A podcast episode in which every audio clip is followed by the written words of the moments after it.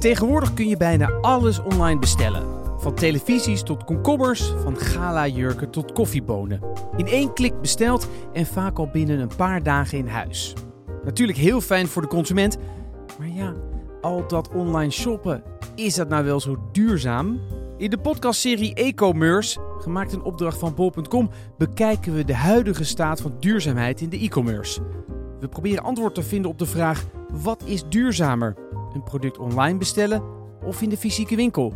Stap voor stap lopen we de hele logistieke keten door, gaan we langs bij mensen in het veld en spreken met verschillende experts die wijzen op de duurzame uitdagingen waarvoor de hele sector staat. Want ja, welke verantwoordelijkheid hebben webwinkels hierin? En hoe groot is de rol van de consument? We kijken naar het bestel- en retourproces en gaan vanuit daar de hele keten door.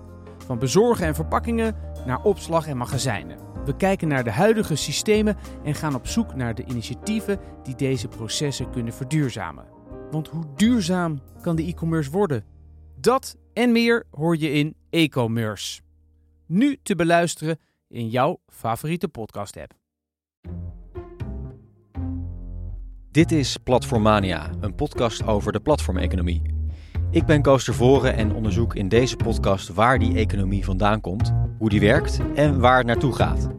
In de vorige aflevering hoorde je een kleine geschiedenis van de platformeconomie. We hoorden dat de aloude markt eigenlijk de voorloper is van de moderne digitale platforms. Ik, ik loop even naar de notenkraam. En ik vraag me toch, toch een beetje af of zij zichzelf uh, onderdeel van een platform... Zien jullie zelf een beetje als onderdeel van een platform hier op de markt? En ik nam een kijkje op de plek waar een van Slans eerste platforms ontstond. Wisten jullie dat bol.com hier gestart is als bedrijf? Waar wij nou staan? Dus Mandy, weet jij dat hier bol.com gestart is? Maar in deze aflevering schuiven we door naar het heden. Want hoe werkt die platformeconomie precies? Vraag en aanbod, dat hoorden we al van Martijn Arets in de vorige aflevering. Maar wat is het verdienmodel voor het platform zelf? En wat heeft de ondernemer die zijn waar aanbiedt nou eigenlijk aan een platform? Waarom is data zo belangrijk en wat heeft de consument eraan? Ik nam een kijkje achter de schermen. Ik besloot op bezoek te gaan bij degene waar het eigenlijk allemaal om draait. De ondernemers. Die maken tenslotte het platform. Daar zijn daadwerkelijk schermen om achter te kijken. En het zijn niet een handjevol ondernemers die er gebruik van maken. Eén op de tien bedrijven maakt gebruik van online platforms als Booking, Werkspot, Bob.com of Thuisbezorgd. Blijkt allemaal uit de cijfers van het CBS. En veelal doen ze dat ook naar tevredenheid. Vier op de tien bedrijven denken dat de aanwezigheid van online platforms zorgt voor een hogere omzet. 13% van de ondernemers ziet een negatieve impact op de omzet. De rest weet het niet precies. Samen met de redacteur van deze podcast, Iris, pakte ik de auto naar Eeklo in België.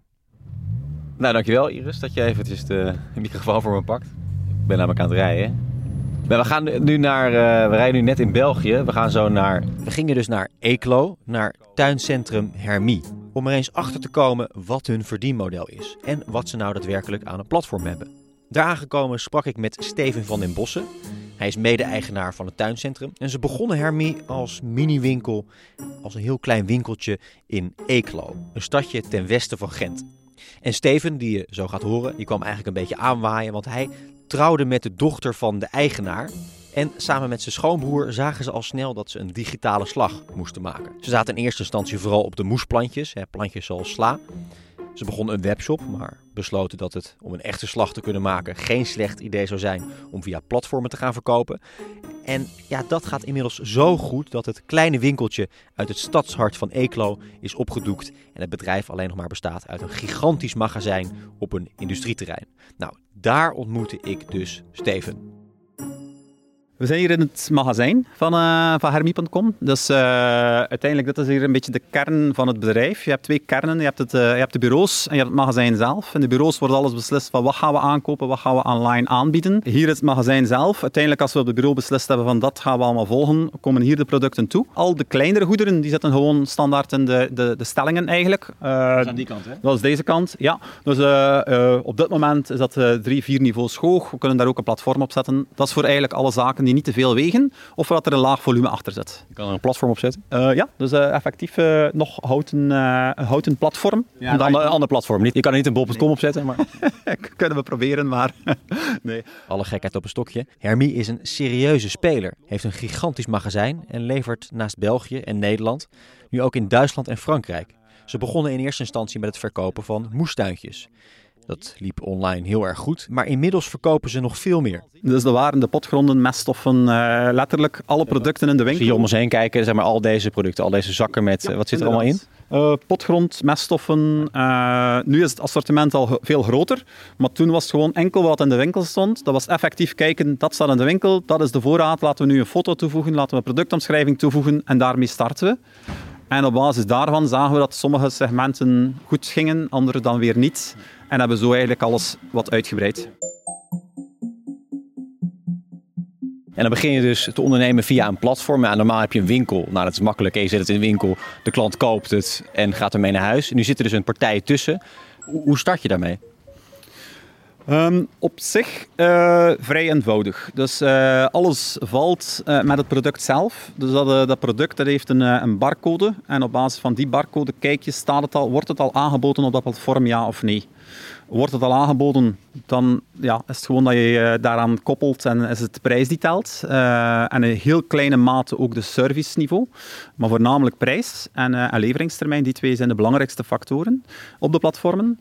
Um, zijn het nieuwe producten, ja, moet je zelf ook die content, uh, moet je zelf content schrijven, foto's uh, toevoegen op dat platform. Ga je dan juist ook op zoek naar producten die dan nog niet verkocht worden via een platform? Is dat dan extra aantrekkelijk, omdat je dan de enige partij bent? Het begin hebben we dat gedaan. En dan hebben we ook gezegd van kijk, we gaan uitbreiden. En uh, uh, in eerste instantie waren dat bepaalde merken dat we dan uit... Uh, we hadden al een bepaald assortiment. Ik zeg nu maar iets, meststoffen. Laten we nu een keer het volledige assortiment volgen. En dan gingen we ook alles wat niet op een bol bijvoorbeeld stond gaan toevoegen. Van foto's, productomschrijvingen enzovoort. En hoe ging dat?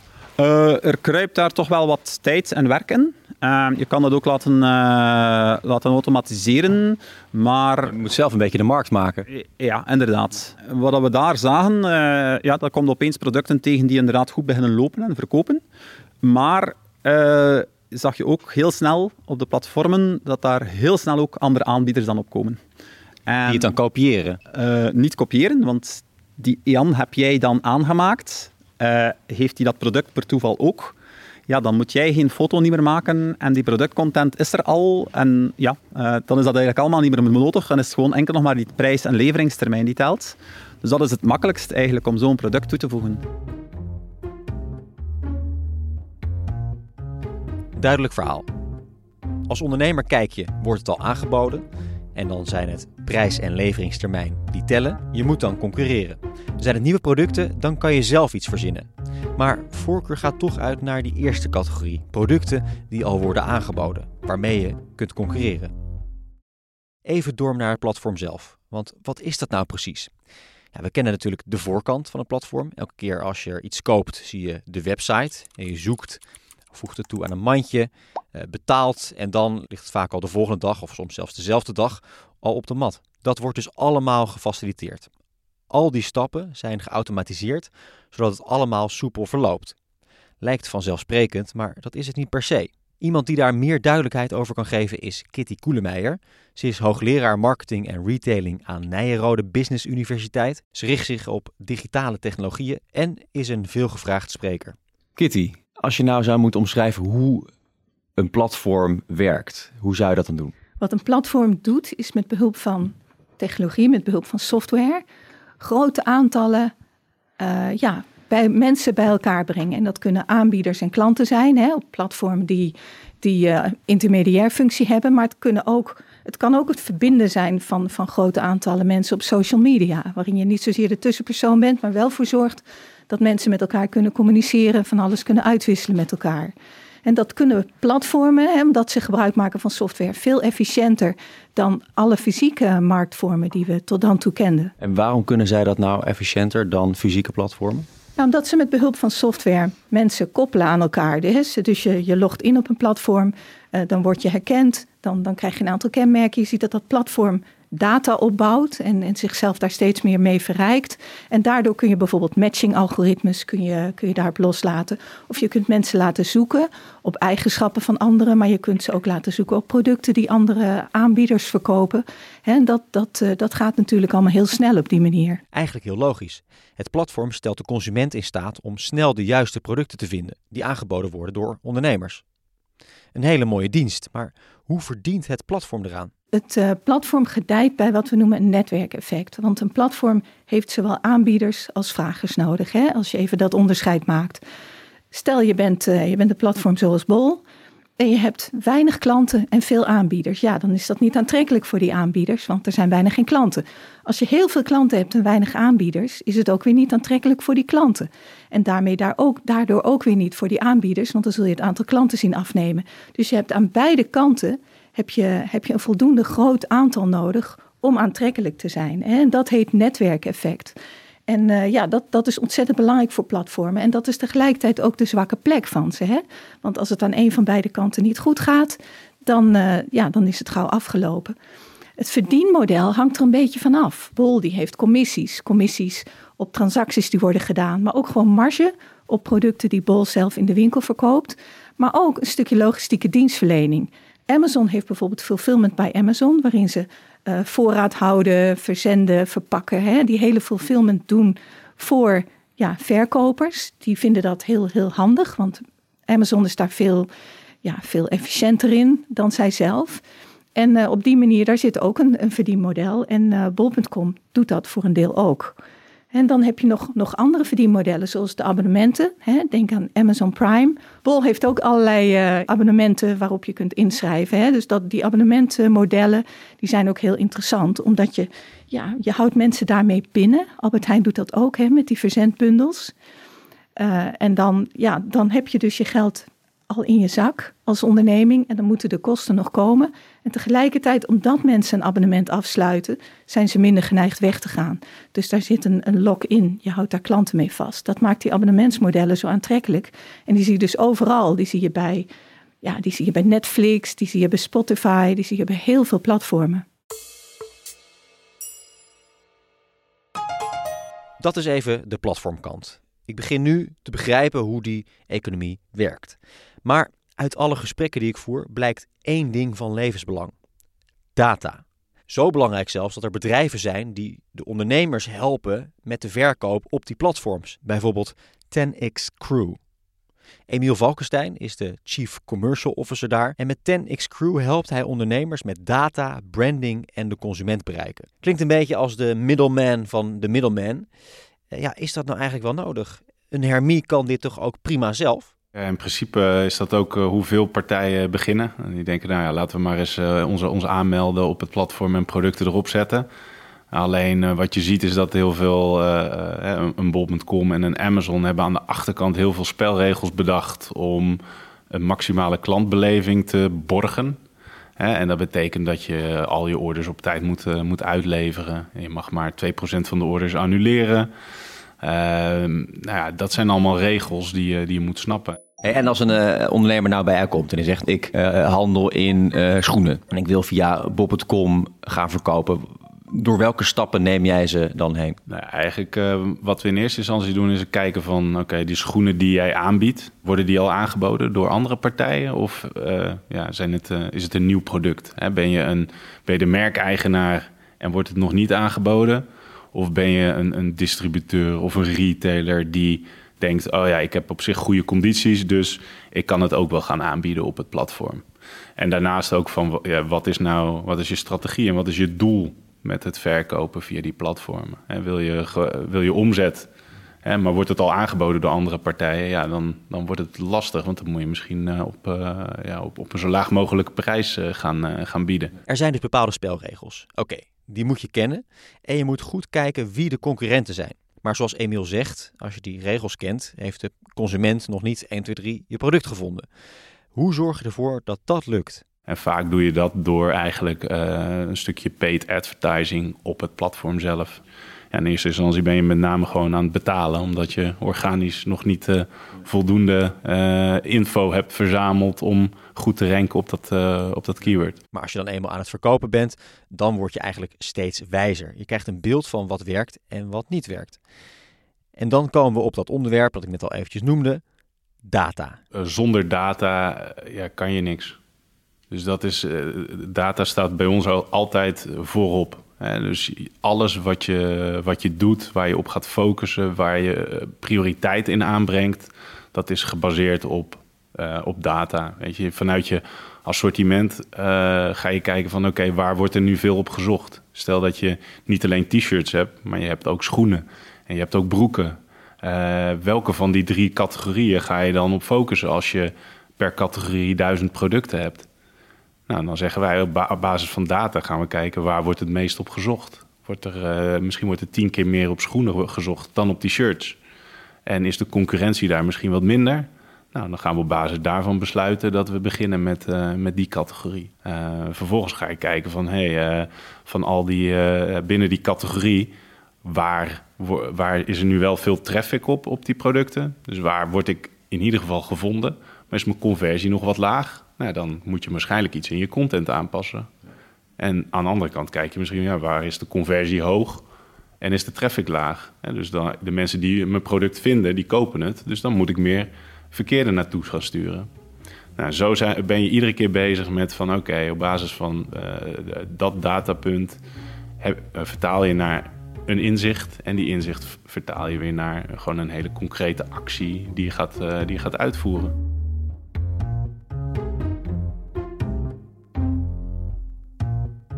Data is macht. Wie data heeft kan groeien, uitdijen, nieuwe markten aanboren en de consument aan zich binden. Dat zegt ook Kitty Koelemeijer van Nijrode. Zij is het daarmee eens. Data zijn belangrijk omdat het je in staat stelt je aanbod heel, heel specifiek aan te, af te stemmen op, op het individu wat jouw platform bezoekt dus als je een bezoeker hebt van een platform, een, een klant zo, zo gezegd, dan weet je wie die persoon is. Je weet wat hij in het verleden heeft gekocht, je weet wat hij wat die zoekt, je weet misschien ook waar hij vandaan komt, welke andere platformen of sites zo iemand bezoekt.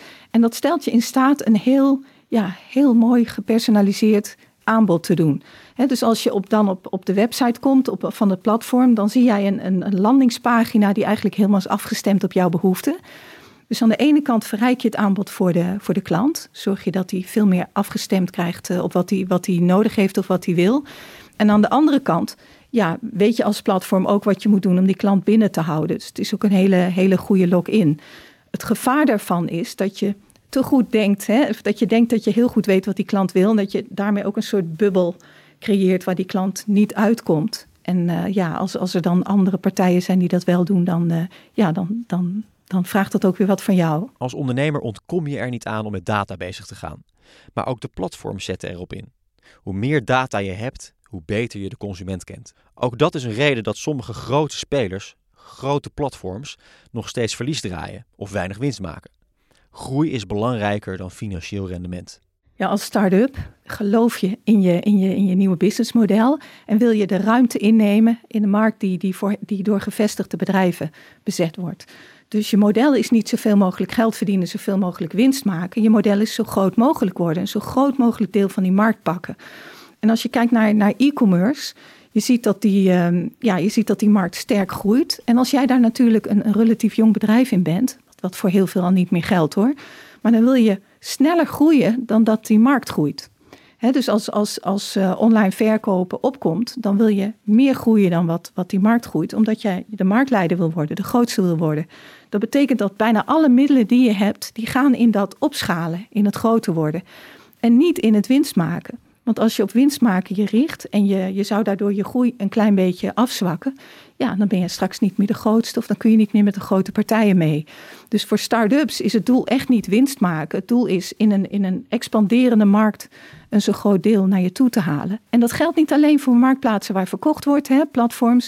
Het geldt voor alle, voor alle soorten platforms. Dat geldt voor artificial intelligence platforms. Dat geldt voor social media platforms. Dat geldt voor betaal-apps. Uh, en ik kan me voorstellen als je als uh, platform uh, investeerders hebt en, en heel veel geld hebt, dat dat ook kan. Dus dat je de markt voor kan blijven.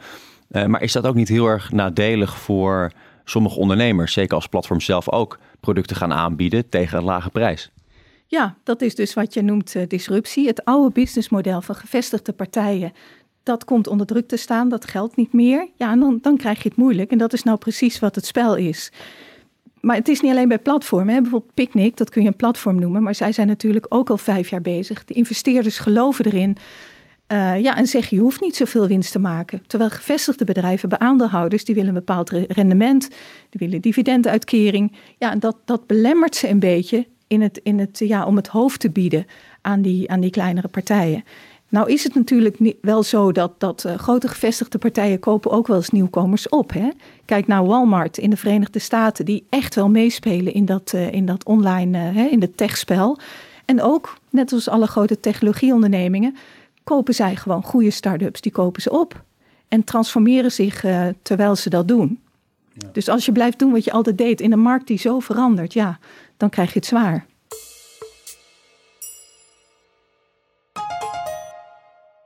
Terug naar Hermie in België, waar Steven van den Bossen mij vertelt hoe hij en het platform verdienen aan de verkoop.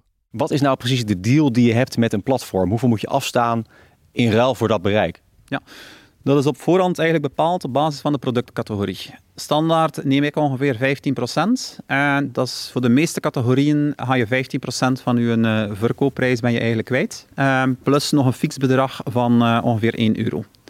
Dus als je iets verkoopt voor 100 euro, ben je meestal 15 euro plus uh, eh, 1 euro dan bijvoorbeeld kwijt. Um, Vind je het een goede deal?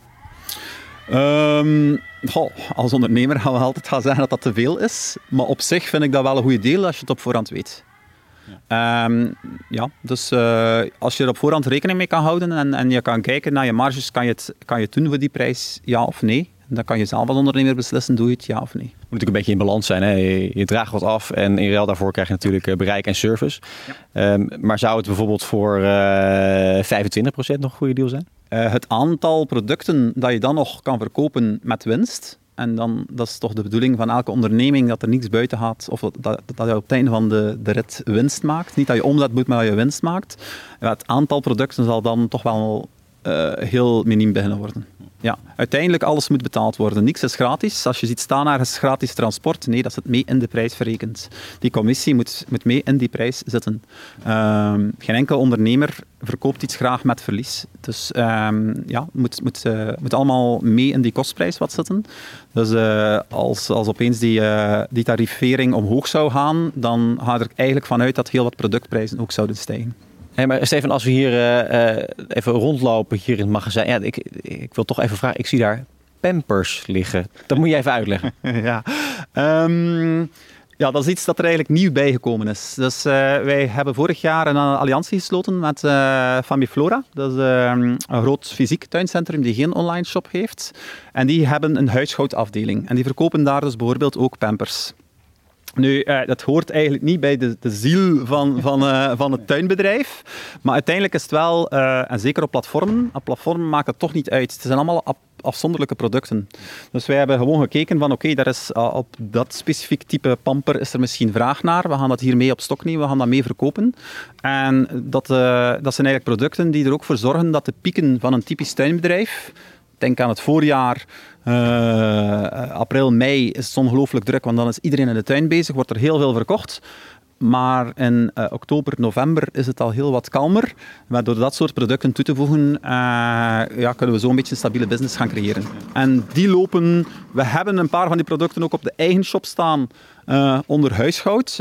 maar voornamelijk verkopen we die op, via de platformen. Beetje, beetje zoals de kampeerders of kampeerwinkels die dan in de winter vuurwerk verkopen. Klopt, inderdaad. Een beetje hetzelfde principe. En dat is wel een voordeel. Wij gaan daar, ja, die, die producten staan eigenlijk fysiek uh, bij Famiflora.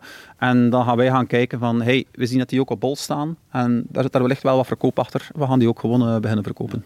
Maar waar ligt de grens dan? Want in principe zou je natuurlijk gewoon alles kunnen verkopen als je een platform uh, hebt om, om te verkopen. Keuzes die je maakt als bedrijf. In principe kan je alles doen, zeker op het platform. En dat zien we ook, dat er bepaalde verkopers zijn die, die 90.000 verschillende soorten producten verkopen. Werkt dat? Uh, als ik zie dat die, die verkopers hebben toch heel wat reviews. Dus ik, als je reviews hebt, heb je ook veel uh, verkopen. Uh, dus ik denk wel dat dat werkt. Maar dan gaat nog, nog meer de ziel van het bedrijf natuurlijk verloren. En op de eigen shop wil ik, uh, willen we daar toch een beetje over waken. We zijn en blijven een, uh, een tuinwebshop. Die pampers staan niet op de eigen website. We hebben ze op de eigen, maar, maar een klein beetje verstopt. En dat zal een, uh, een beetje een apart categorie zijn.